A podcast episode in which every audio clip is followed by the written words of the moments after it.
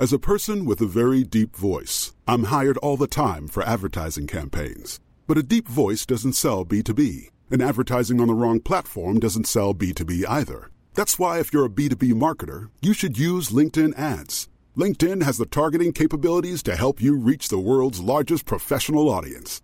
That's right, over 70 million decision makers all in one place. All the big wigs, then medium wigs, also small wigs who are on the path to becoming big wigs.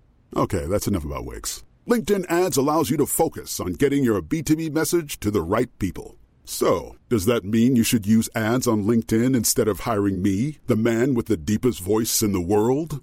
Yes. Yes, it does. Get started today and see why LinkedIn is the place to be to be. We'll even give you a $100 credit on your next campaign. Go to linkedin.com slash results to claim your credit. That's linkedin.com slash results. Terms and conditions apply. Välkomna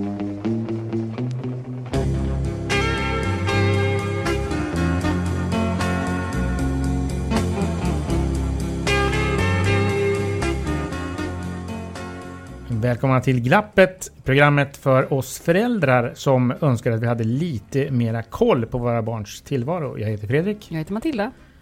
Du, jag har tänkt på en sak. Vad har du tänkt på Fredrik? Det här med barn Mm. Och eh, deras, eh, liksom hur de ser på sig själva och världen. Mm. Eh, och begrepp som jag tänkte vi skulle reda ut Mm. under den här dagen. Mm. Det tycker jag. Det ser jag fram emot. Så här, självkänsla, självförtroende. Hur hanterar man de frågorna? Ja. Mm. Det här är såklart ett ämne som jag redan tänkt väldigt mycket på. Ja. som det brukar vara. ja. Men här tänk, jag har tänkt oerhört mycket på detta. Mm. Alltså om jag tänker mycket på sociala medier så det är ju ingenting mot eh, hur mycket jag tänker på att jag ska stärka mina barns självkänsla. Ja. Och jag kan, jag kan verkligen så här loopa in i att jag tycker att jag är en så jävla dålig förälder. När jag just inte lyckas med det. Ja, Men Typ. eh, berätta. Ja men typ där att inte säga att man är duktig. Mm. Jag har sån duktighetsfobi alltså. Mina barn har kanske hört mig en handfull gånger säga det till sig. Mm. Så det är inte så att jag inte berömmer dem, jag ser en massa andra saker. Att de är härliga och fina och underbara och jag älskar dem och så. Men just det här att liksom i, inte försöka belöna prestation. Just det.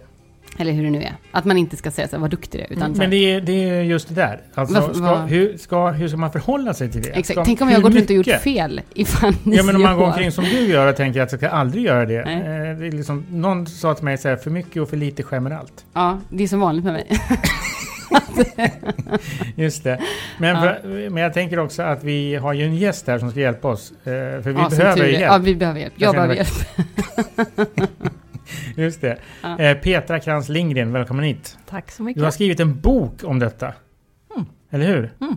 Vad, eh, vad fick dig att skriva den här boken om barns självkänsla? Mm.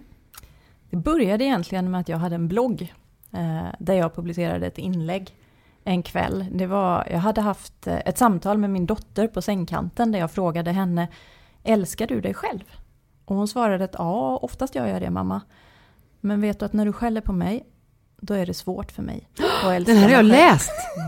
Och såklart jag har läst den. Det är inte konstigt att jag har läst den. Men den här har jag läst. Vad sjukt. Ja, för den eh, fick ju Alltså då inte så konstigt. innan jag visste att det var inbok. Ah, förlåt. Ja.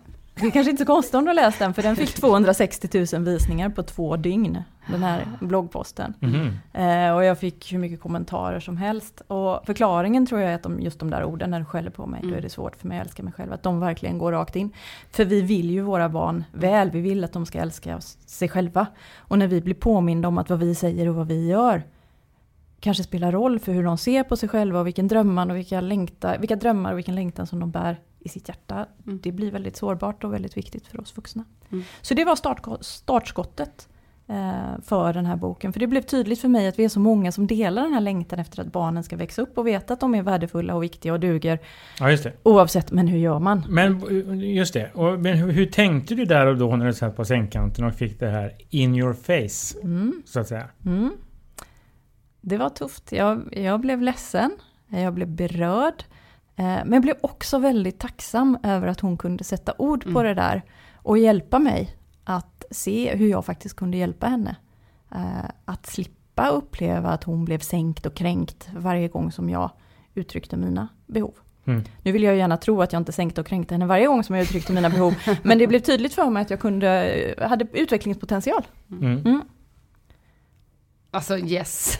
Ja, Yes. ja, men jag Ja. tittar på dig. Ja. eh, För jag undrar hur, tänk, hur tänker du när du hör det här? Och du har också läst bloggposten? Ja, eh, jag läste den och så tänkte så ja men lite som jag tänker att jag tänkte ungefär som du, så fuck, jag skäller ju också på mina barn, det var ju inte bra. Eh, och mina, med, framförallt min äldsta har också ganska, så här, hon har också väldigt lätt att formulera sig på ett sätt som, jag, som är väldigt begripligt för vuxna. Liksom. Eh, och hon har också vid några tillfällen eh, satt ord på liksom, just precis det här. Eh, och också sina egna känslor. Hon var väldigt liten, jag tror bara hon var fyra år eller något när hon beskrev sin inre värld i form av geometriska former. Eh, och att olika känslor hade olika geometriska former. Och, ja men det är helt sjukt, alltså det var helt sjukt, det var så här, det, Det, var låter så som en, ett, ett kapitel ur eh, den här Millennium. Ja men typ, alltså Lisbeth Salander-ish. Ja. precis. Och jag var tvungen så här att skriva ner det, ja men så här efteråt. Inte för att jag, jag har ingen blogg, så det var ingen annan som fick läsa det. Men det ligger på min dator liksom. Eh, Mm. hur hon beskrev det. Så att jag också, jag umgås också med, med barn, eh, och även min yngsta är duktig. Eh, nu, nu är hon fyra. Eh, så att jag umgås mycket med det här hela tiden. Och Mm. som jag sa inledningsvis också, jag kan känna sån stor skam liksom, just när jag misslyckas. Eh, Mm. För man misslyckas ju som förälder, det är inget att snacka Ja, om liksom. Så är det ju i livet liksom. Men just när det kommer till det här att jag skäller för mycket eller att jag tar i för hårt eller liksom också de här gångerna tycker jag när man liksom, ja men häromdagen, det var så ett klassiskt tillfälle. Eh, så min lilla tjej skulle låna min, mitt Lypsyl och sen så liksom gjorde hon sönder det. så här, sånt som händer. Och när jag bara säger, nej men vad fan! Och Jag svor inte tror jag, men gick- jag kunde också svara. jag. kunde också ha svurit. Men det var så jävla onödigt. Men så här, va? Och då känner man ju sig efter så här, ja, men alltså det här är så dålig stil, det är så dåligt föräldraskap. Jag så här, kanske eventuellt svor åt mitt barn. Alltså jag vet inte om jag gjorde det inte. Men, och det var ett Lepsyl och det var inte, det är inte värt liksom. Och det har ju bara med att jag själv var stressad över något eller var på väg någonstans eller alltså så. Så Men- där finns mycket, mycket skam hos mig. Jag förstår. eh, Kring det. Mm. Och, och det här tror jag alla eh, känner igen sig i Mm. på ett eller annat sätt. Vi gör så här Mm. att vi eh, backar tillbaks lite grann. Eh, och söker förklaringar och eh, förhållningssätt på det här som du så fint beskrev eh, kring Lepsyl, Lepsylhändelsen. Lepsylgate. Ja. Exakt. Och om vi börjar med, vad menar vi med ordet självkänsla? Mm. Den vanliga definitionen av självkänsla är att den består av två delar. Där den första delen är det som vi kanske oftare kallar för självkännedom eller självbild. Alltså den är kvantitativ och den handlar om vilken kunskap som jag har om mig själv. Den andra delen den är med kväll... Vad, vad betyder det? Det här är mina tankar, det här är mina känslor, det här är viktigt för mig, så här brukar jag reagera Okej. i den här typen av situationer. Det här känner jag Ja, det här känner jag. och jag förstår det. Mm, Mm. Precis. Så självkännedom. Just. Den andra delen är då mer kvalitativ och den handlar om vilken acceptans som jag har för det som jag känner till om mig själv. Alltså vad tycker Så- jag om mina Mm. egna känslor? Så om jag har en sund självkänsla så tänker jag att eh, så här tänker jag, det här är viktigt för mig, det här längtar jag efter. Och jag är okej. Jag duger. Med precis de känslorna och behoven som jag har så duger jag. Jag är viktig och jag är värdefull och jag är värd att bli älskad precis som jag är. Mm. Och jag tror att jag vill verkligen stryka under det här med precis som jag är, för det tror jag är väldigt viktigt. För att ha en sund självkänsla, det handlar inte om att gå omkring och tänka att jag är så fantastisk och bra och duktig och så har jag Nu en sund tittar Fredrik med och självkänsla för det. skrattar så här, för att jag har uttalad hybris. Ja. Ja. Utan att ha en sund självkänsla, det handlar just om att kunna klappa sig själv på kinden och säga att jag är viktig och värdefull precis som jag är, med alla mina fel. Och det handlar om den här inre dialogen med sig själv. Ja, det är ju en sorts inre dialog med sig själv. Ja. Just det. det och, och det här ska ju inte blandas ihop, det här begreppet med eh, självförtroende. Självförtroende. Nej. För självförtroende, det handlar om att jag har tillit till min förmåga att prestera. Mm. Jag tänker att det där som jag ska göra nu, det kommer jag att lyckas med. Och självförtroendet det ökar när jag lyckas med mina prestationer och när jag får beröm för mina prestationer. Mm. Självförtroendet, till skillnad från självkänslan, är också områdesspecifikt kan man säga. Så man kan ha väldigt gott självförtroende när det gäller att prata i en podd och laga mat. Och Mm. så kan man ha mer sviktande självförtroende när det gäller att prata franska och dansa. Just det. Mm. Ja, men det känner jag igen. Ja. Alltihop faktiskt. Prata franska och dansa. Just det, det är Eh. typiska utvecklingspotentialområden för dig Fredrik. Jag förstår. Ja. Eh, och när vi då pratar om vår relation och vårt beteende tillsammans med våra barn. När vi till exempel säger eh, vad duktig du är. Mm. Så stärker vi eh, prestationsbiten möjligen. Mm. Då gör vi en bedömning av barnets eh, prestationer. Precis. Jag brukar prata om att man kan tänka på människan och barnen som att de är byggda i tre lager. Och det innersta lagret, eller om vi börjar utifrån och in, så i det yttersta lagret så brukar jag säga att vi är som human havings. Vi definieras av det vi äger och har, våra yttre attribut och tillgångar. Du har en fin kavaj. Ehm, snabb bil, många coola Pokémon-kort och Pet Shops-figurer. Innanför det så finns det ett doing-lager, vi är human doings, som handlar om det vi gör, det vi presterar. Och så finns det förhoppningsvis längst inne en human being, en varelse. Mm. Och där i kärnan, där finns våra tankar och känslor. Våran lust, Mhm. längtan, värderingar och behov. Eh, och när vi vuxna säger vad duktig du är, vad bra du är på att cykla, då gör vi en bedömning av barnet som human doing. Mm. Eh, och jag längtar ju mer om vi är ute efter att vi vill ge näring åt självkänslan. Och hur gör jag det i situationen när mitt barn är framför Mm. mig och cyklar? Istä- Istället för att bedöma prestationen så kan man intressera sig för barnets upplevelse. Vad hon tänker och känner och för vad som är viktigt för henne i relation till det som hon just har gjort. Så då är vi Hur, längst och hur inne. kan det då låta? Jag märkte att du cyklade själv. Mm. Vad tänkte du när du märkte det? Okej. Mm. Grattis, jag såg att du cyklar själv. Jag vet hur mycket du har kämpat. Eh, då, då delar jag barnets känsla istället för att bedöma hennes prestation. Mm. Men kan man eh, då säga så här att eh, om man har koll på de här två olika bitarna och de här tre lagren. Mm. Då kan man stärka självkänslan. Men jag tror att många tänker nu så här när de hör det här. Men är det något fult att eh, ha en god prestationsförmåga? Nej, inget Nej. fult alls. Men jag vill göra, om vi säger så här, om vi Du vuxna... förstår vad jag menar? Absolut, jag får frågan jätteofta. Ja. Är det något fel på att liksom ha ett starkt doing-lager? Är det något fel att som förälder bedöma barnets prestationer? Är det det du är ute efter? Ja, Ja. men jag tänker att för mycket och för lite generellt. Mm. Om man bara håller på med det så kanske man Absolut. blir en eh, doer-maskin.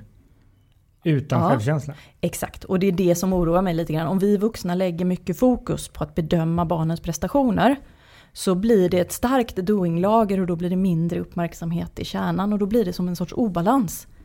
Så att då är risken att barnet tror att hon definieras mer av vad hon gör än av vad hon är. Mm. Så därför så tänker jag att det är viktigt att vi inte bara bedömer och berömmer barnen utan att vi också intresserar oss för vad de tänker och känner och längtar efter och behöver i relation till det som de just har gjort. Mm. För att vi ska få en starkare, mer balans helt Jag förstår. Men jag får för mig att vi eh, föräldrar som lever nu här i den här generationen är bättre på det ena än det andra. Ja, och det, varför har det blivit så? förmodligen för att hela samhället är inriktat på prestation och bedömning. Alltså vi kommer till skolan, vi får betyg, du, vi har toppar fotbollslaget, man får lön efter prestation. Och vi har ju ofta, vi 70-talister kanske, 60-talister, 80-talister har vuxit upp med, eh, vi har ju blivit marinerade i belöningstänk. Liksom. Mm. Vi Mm. har ju vuxit upp med att få höra att vi är bra och duktiga och fått för oss att det är samma sak som kärlek. Mm. Så om de inte säger att jag är duktig betyder det då att de älskar mig? Det där tvivlet tycker jag är ganska oroväckande. Mm. Eh, för vad händer då om jag misslyckas med mina prestationer? Då kanske jag får för mig att jag inte är viktig och värdefull och älskad. Så det är som en av anledningarna till att jag tycker att det är så otroligt viktigt att vi intresserar oss för vad barnen tänker och känner. Visar att de är viktiga och värdefulla oavsett vad de presterar. Mm.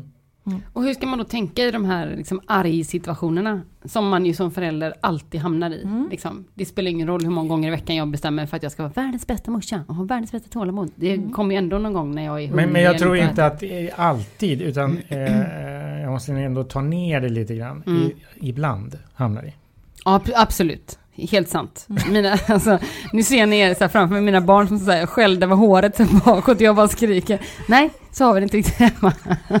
ja, inte alla dagar i veckan. Nej. Nej. men nej, det är såklart. De mesta stunderna är härliga och roliga i vår familj. Det är absolut. Mm. Det skulle nog även mina barn säga tror jag när du frågar dem. Men när man hamnar i de där liksom, Mm. trängda situationerna. Och den eh, frågan är jättevanlig. Vad gör man när man hamnar i de här lägena?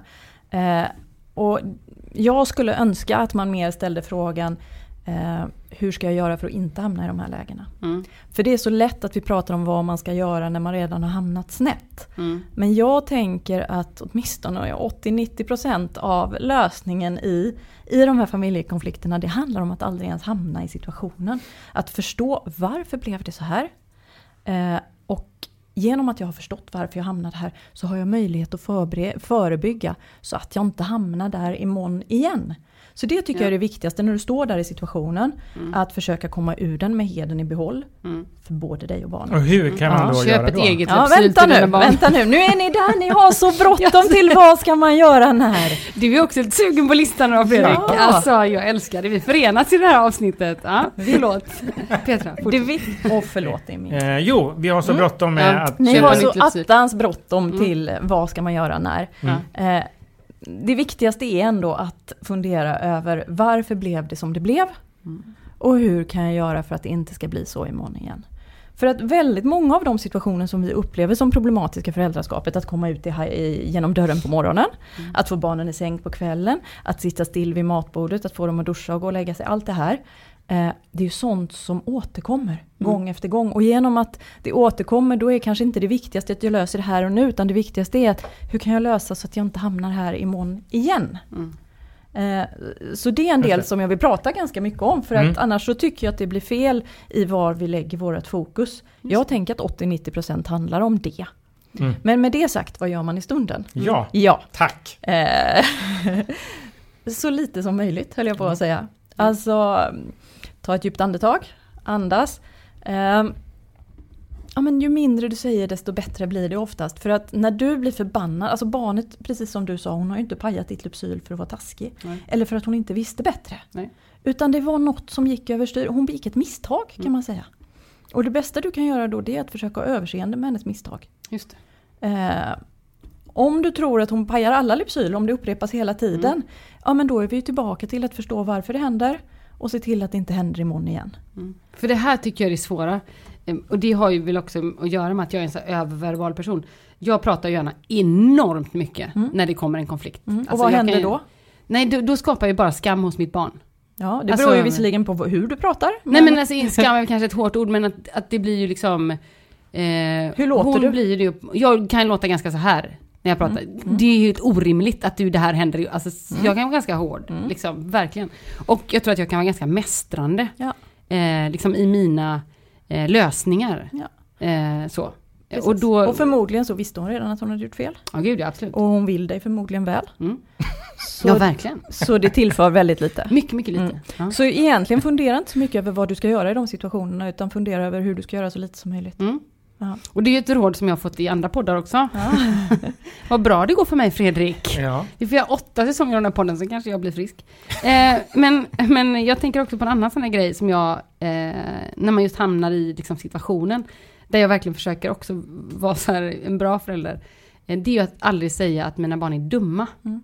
Eh, utan man gör dumma saker. Mm. Eh, att skilja på det liksom. Och även när de själva kan säga så här, åh vad dum jag är. Nej, att, jag, alltså, jag gör nästan det varje gång. Mm. Nu är ja.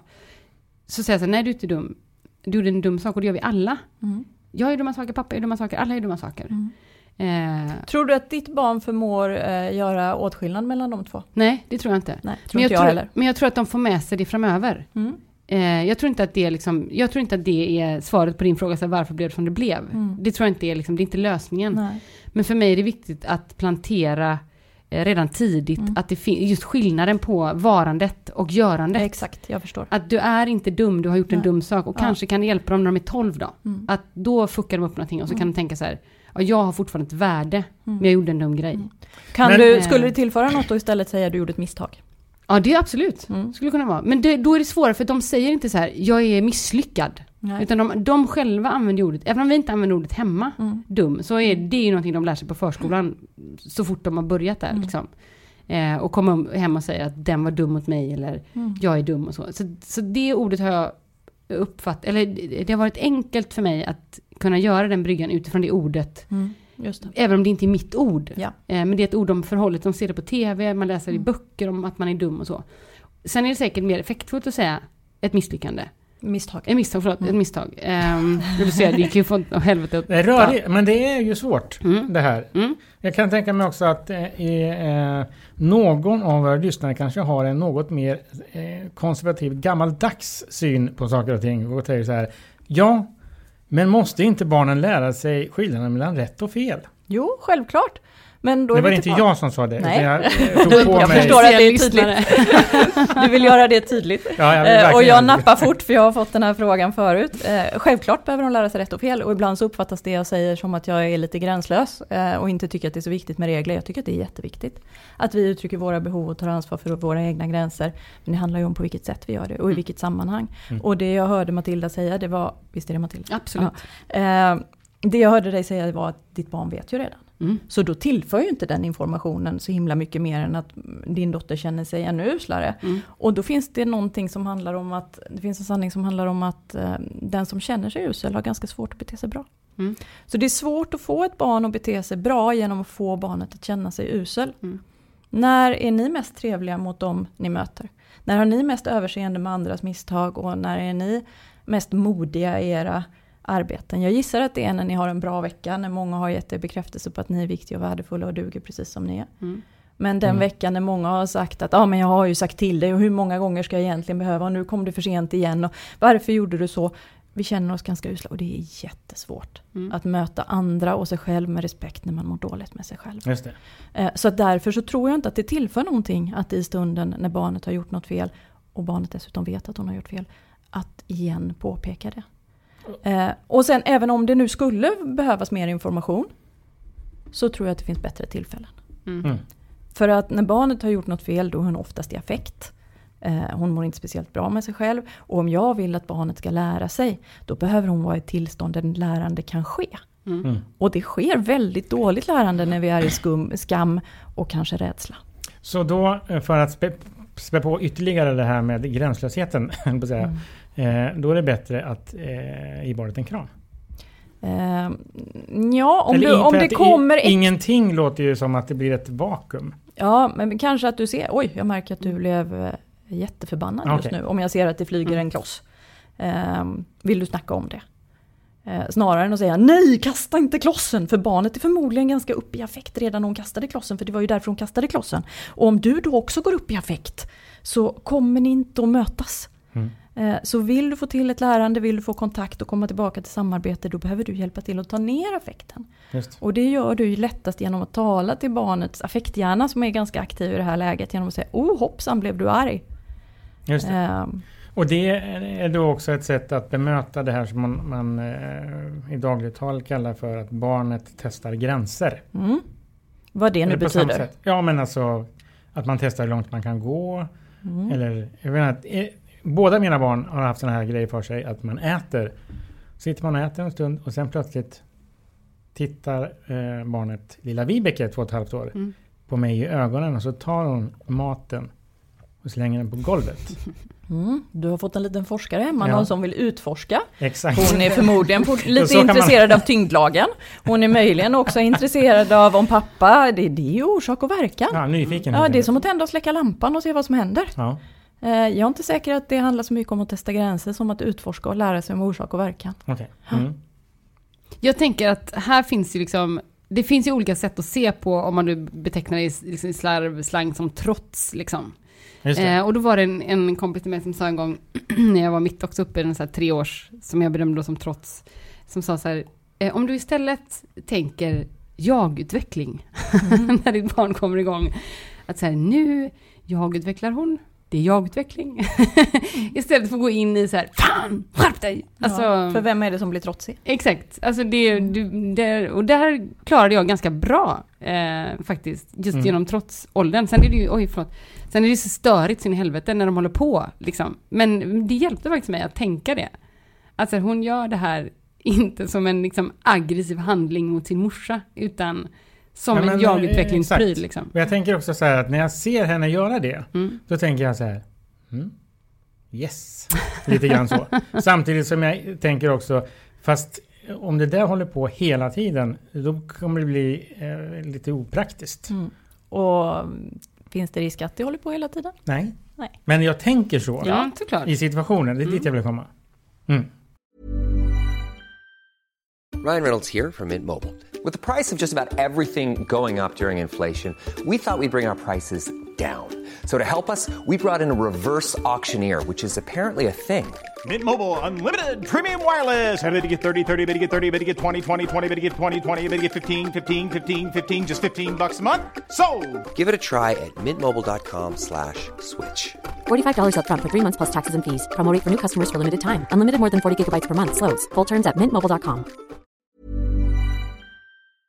Verkligen. Och det är då vi gör så här negativa trendframskrivningar och tänker, oh det här kommer inte att funka, någon i 13, det är bäst jag sätter en gräns. Eh, och då kanske man kan luta sig tillbaka och ha till, tillit till den naturliga processen, för barn vill ju passa in.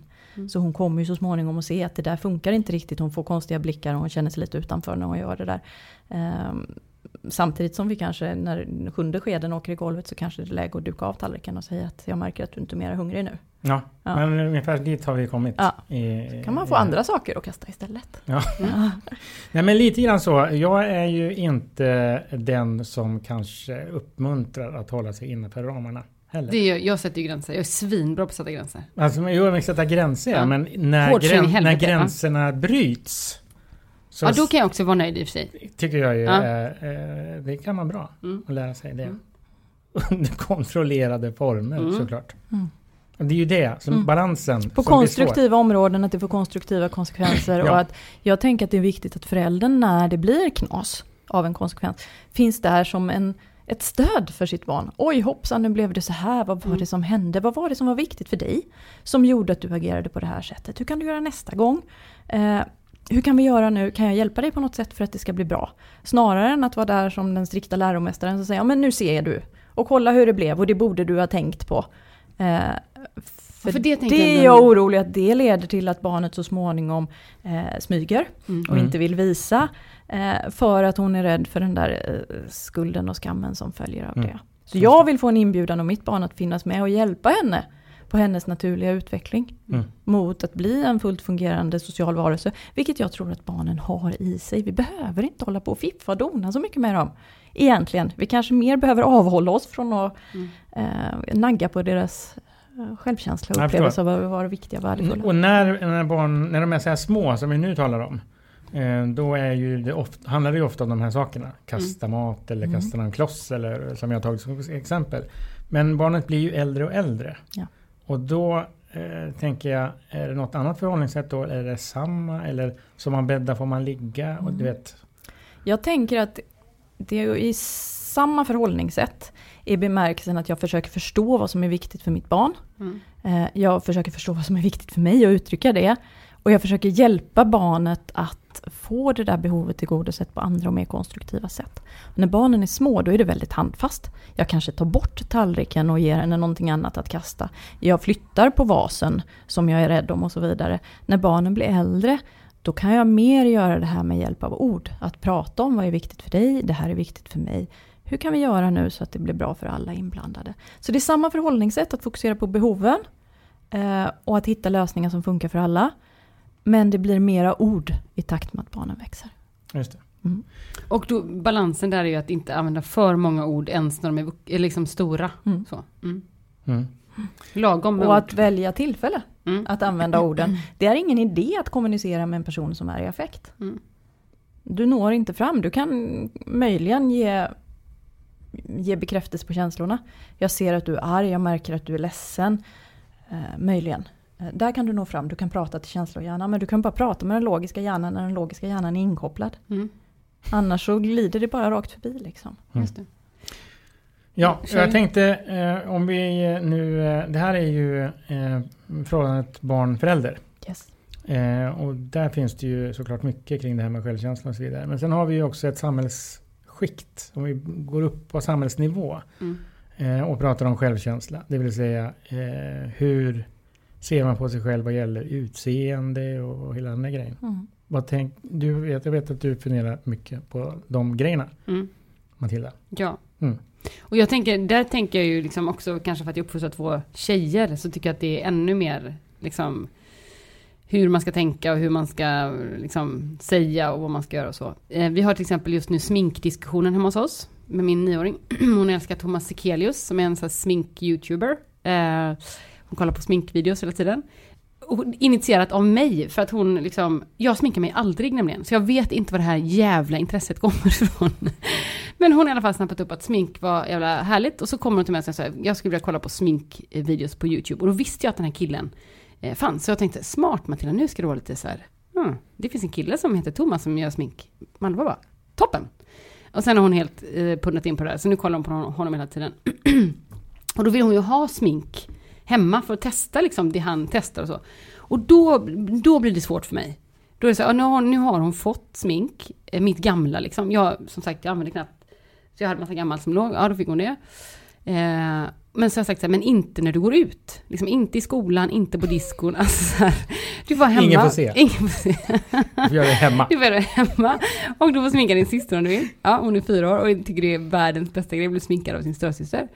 Och så blir det, för då blir det någon slags lek för mig. Okej. Liksom. Att då blir det så här, då, då är det inte så här, du går inte ut och blir bedömd på ditt utseende och vad fin eh, ögonskugga du har. Det tycker jag så här, det behöver inte hon ha än.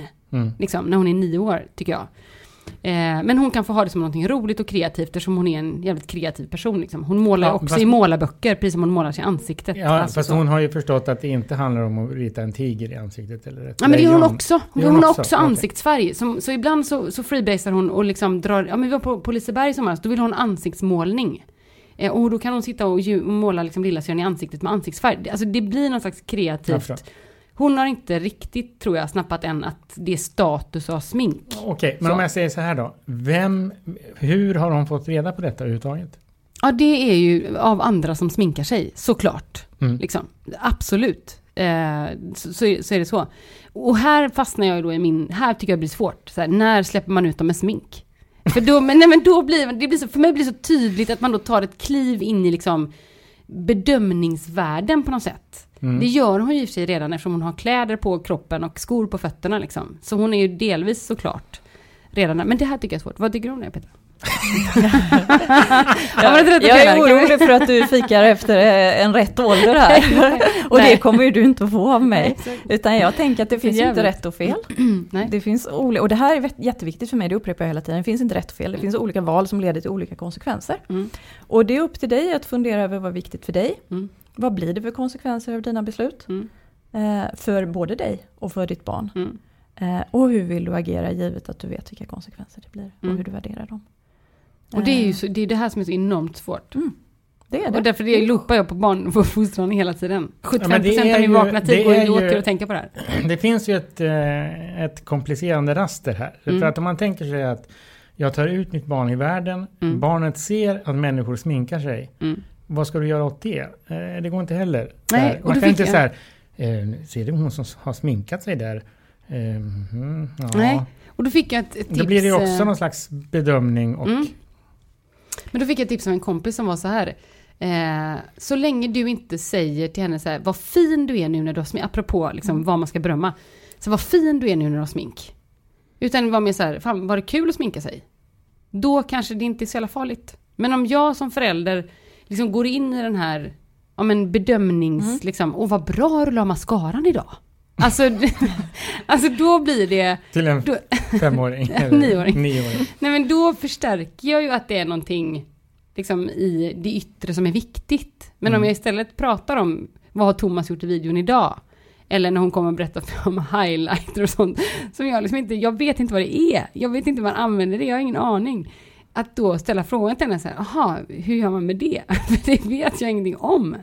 Och att hon då får berätta för mig Okej. om highlighter. Mm. Som man då lägger på kindbenen, eller vad fan det nu är liksom. Att jag tänker, då kanske det ändå är okej. Mm. Liksom. Då kanske hon ändå blir normal. liksom. Ja, det är inte intressant i det här med YouTube, ja. tycker jag. Därför att eh, när vi växte upp eh, förmodade jag att det inte fanns YouTube. Nej. Eller? Att titta på. Och då lärde man sig av eh, de äldre tjejerna på skolan kanske, eller Veckorevyn. Ja, Veckorevyn. Ja, exakt. där har Ja, vi det. Just ja. det. Eh, De här eh, eh, rutorna där före och efter. Och, Mm. Mhm, Exakt. just det. Och jag tänker att, alltså min tanke här är att vi kanske inte, det kanske inte är i sminket och ditt samtal kring sminket som det allra viktigaste ligger. Utan det viktigaste kanske snarare ligger i Eh, hur pratar du med henne när du inte pratar om sminket? Mm. Vad säger du när hon kommer in i ett rum? Hej älskling, jag har längtat efter dig idag. Kom får jag en kram. Vet du, jag blir alldeles varm i hjärtat när jag ser dig. Mm. Allt det här som du kan göra som ger henne en trygghet i att hon är viktig och värdefull. Mm. Oavsett Mm. hur hon ser ut eller oavsett vad hon presterar. Eh, och jag tänker att det kanske är det allra viktigaste, vad vi gör för att hjälpa barnen att uppleva den där tryggheten i att jag är viktig och värdefull oavsett. Mm. Eh, och då kanske hon kan hantera sminket och sitt utseende och vad världen tycker om att hon är sminkad eller osminkad eller vad det nu kan Mm. vara. Just det. Ehm, Ja men det, det, det där värderingsrastret eh, handlar om, bedömningsrastret. mm. Och vad fin du är idag när du inte har sminkat dig.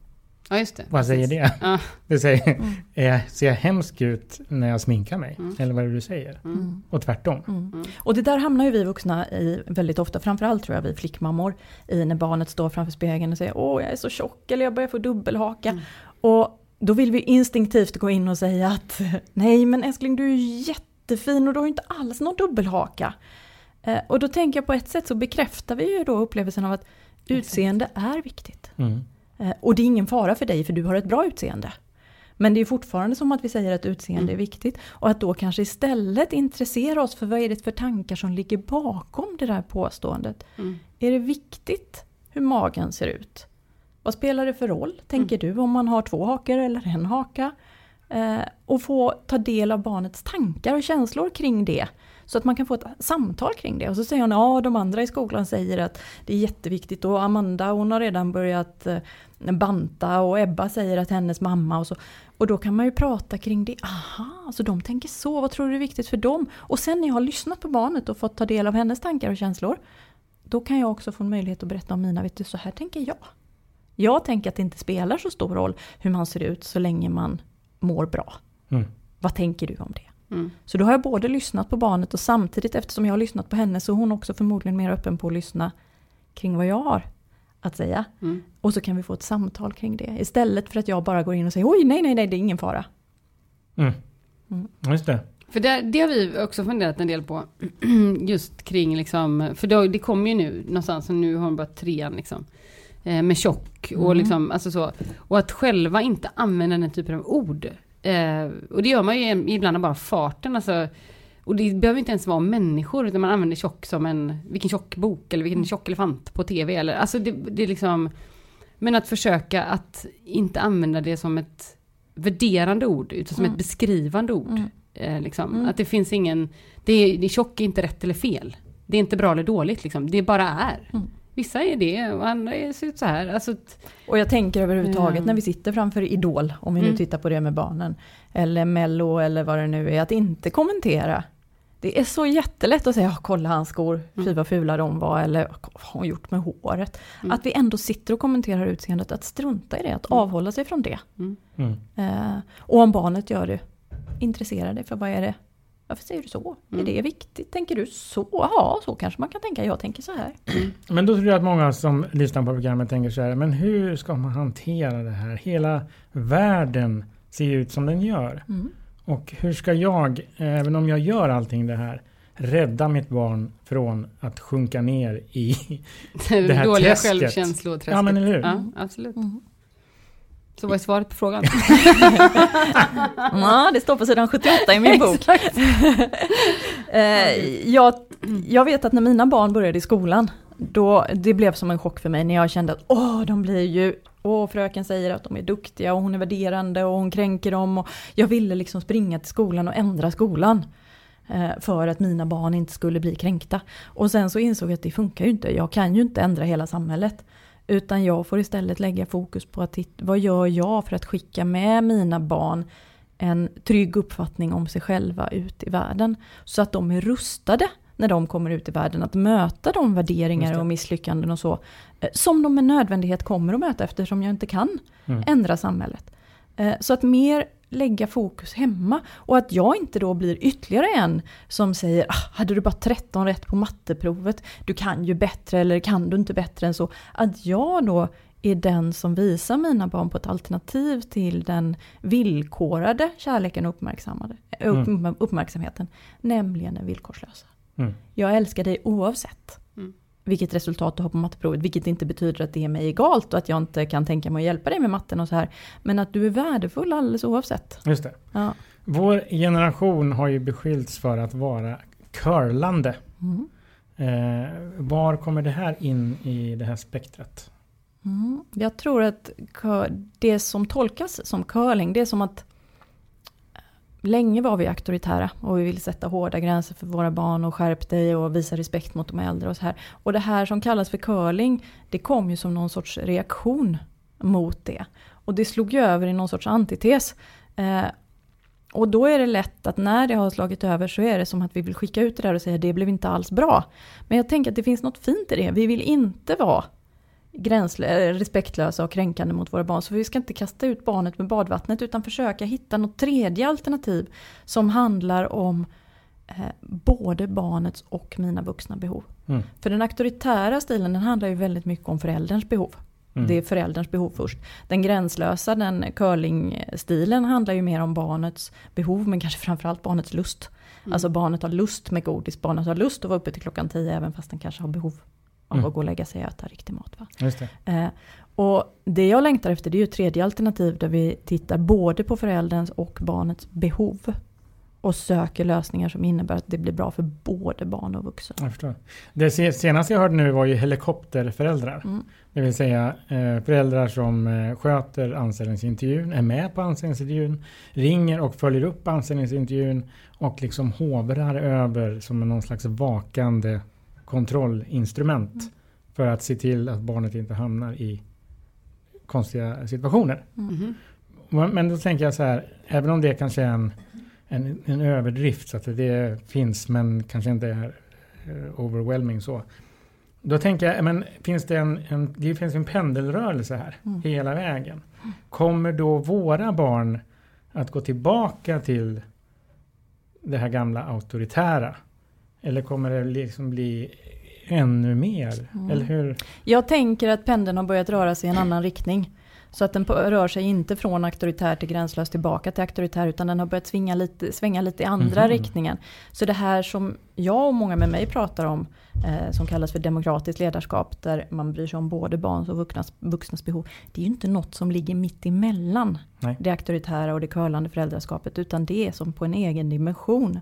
Där det handlar om att det ska bli bra för båda parter.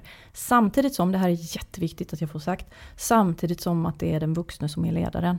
Mhm. Eh, för att så är det och så måste det vara i kraft av att den vuxne har mycket mer eh, kognitiva resurser och förståelse och erfarenheter Och än vad ansvar. barnet har. Ansvar, självklart. Eh, utan det handlar mer om hur jag som vuxen använder Mm. min makt och mitt ansvar. Använder jag den för att det tar hänsyn till både mina och barnets behov eller använder jag den för att det ska bli bäst för mig? Och Mm. att barnet ska lära sig att veta hur. Men med det här perspektivet som du eh, pratar om här så kan vi alltså försöka hjälpa till att få den här pendeln att hitta en ny svängning på en ny axel. Exakt, Är det så? så tänker jag. Har vi eh, fått tillräckligt för en lista Matilda? Har vi fått tillräckligt? Alltså jag säger så här, vi har fått mer än tillräckligt för en lista. Igen? Igen, det är inte Mm. klokt. Eh, eh, eh, eh. Alltså först tänker jag att din, den här trelagers metaforen är bra. Eh, det vill säga att om, om ni betraktar era barn och er själva eh, som individer i tre lager. Ett yttre lager som är det ni har på er och det ni äger och det ni liksom omger er med i ting. Eh, mellanlagret som handlar om det du gör, som är din prestation och din innersta kärna som är ditt varande, dina tankar, känslor, värderingar och behov. Om vi kan komma ihåg det så är mycket vunnet. Så kan man säga. Mm. Eh, jag tänker att en annan sak som jag tar med mig eh, från detta avsnittet är ju eh, att intressera sig för barnets upplevelse i situationen. För jag tänker, apropå att jag själv hade en önskan att det här programmet skulle bli en checklista för mig att bara så här bocka av på kvällen. Eh, Så tänker jag att istället för att fokusera så mycket på vad ska jag säga då? Mm. Vad ska jag göra då? Eh, att istället bara så gå in i, jaha, vad hände här? Mm. Och att, liksom, att hjälpa sig själv att byta ut vad duktig du är Mm. mot vad hände här? Mm. Eh, då tror jag att mycket skulle komma på köpet. Mm. Eh, och att om, om det också ligger i så här att vad hände här eller att intressera sig för barnets upplevelse. Att det också finns en, en eh, vilja i det att försöka förstå. Eh, på riktigt liksom, inte bara så här mellan tacosen och smset liksom, utan att så här faktiskt eh, stanna upp i det. Eh, så tror jag att det hade varit bra. Eh, någonting annat som fastnade hos mig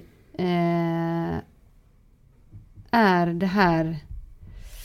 Uh, uh, vad ska vi ta? Jag tror att det här, du sa eh, beröm är lika med kärlek, är en missuppfattning som råder i samhället. Och jag tror att eftersom vi, om vi nu hårdrar det, är uppfostrade att tro det. Att är du duktig är du också jävligt bra. Liksom. Eh, och du är älskad om du gör bra grejer. Eh, så tänker jag att det där tror jag också är någonting som vi liksom själva måste fundera över som vuxna. Eh, hur är det för mig? Eh, Hur, hur bedömer jag mig själv? När känner jag mig älskad? Ehm, och att om vi kan förklara det också för våra barn då med liksom målgruppsanpassad kommunikation beroende på ålder.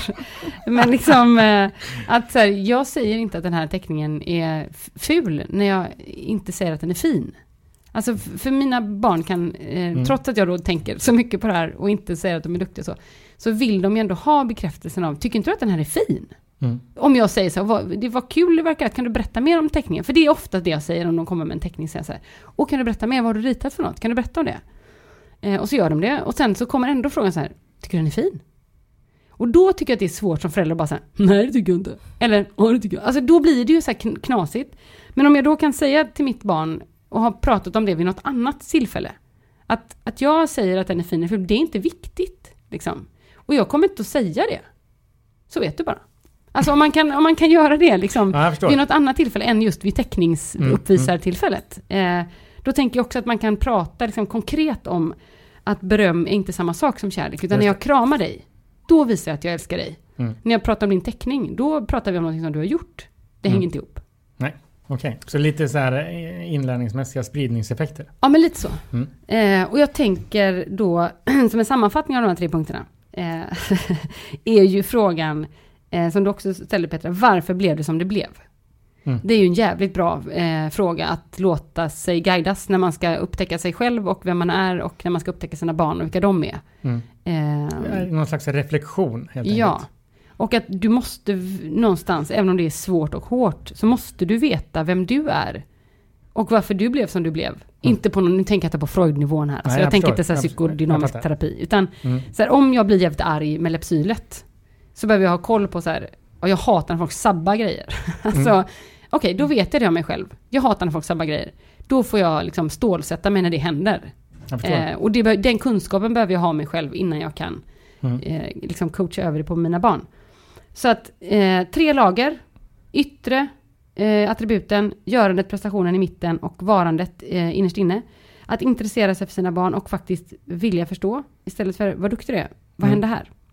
Eh, och att tala om att beröm inte är lika med kärlek. Mm. Och gör vi det med föresatsen och frågan varför blev det här som det blev? Så kommer det bli jävla bra. Mm. Och jag tänker återigen så måste vi upprepa att eh, liksom, lagom är gott nog. Just det. Eh, det är okej att man inte tänker 75% och sen vaknar tid på barnuppfostran som jag gör. Det blir ju inte bra ändå. För så jag kanske ska tänka lite mindre på barnuppfostran eh, för att liksom landa vettigare hos mig själv. För mycket och för lite skämmer allt. Ja, precis. Just det. Eh, Mm. Men, men att liksom det, också i det här så måste vi vara snälla mot oss själva och vi måste Mm. förlåta oss själva när vi gör misstag, för det kommer vi göra. Barn och vuxna kommer att göra misstag. Mm. Och det är bara liksom borsta av händerna och försöka igen. förstår. Det är av Eh, misstagen vi lär oss. precis. saker. Jag tycker det blir... Vad tycker du om sammanfattningen Petra? Vill du kommentera något? Ja men jättebra och jag tänker att det sista du säger är så otroligt viktigt att barn har ju inte behov av perfekta föräldrar Mm. utan de har ju behov av förebilder eh, som visserligen kanske har mål som de strävar emot men också är förlåtande mot sig själva när de inte når hela vägen fram. Mm. Eh, så att varje gång du misslyckas eller gör ett misstag tänk att oh, nu har jag en förebild. Mm, just det. Ja. Jag, jag måste bara, jag kom på en annan anekdot här. Jag ska, du kan klippa bort den sen om du känner att den är för lång.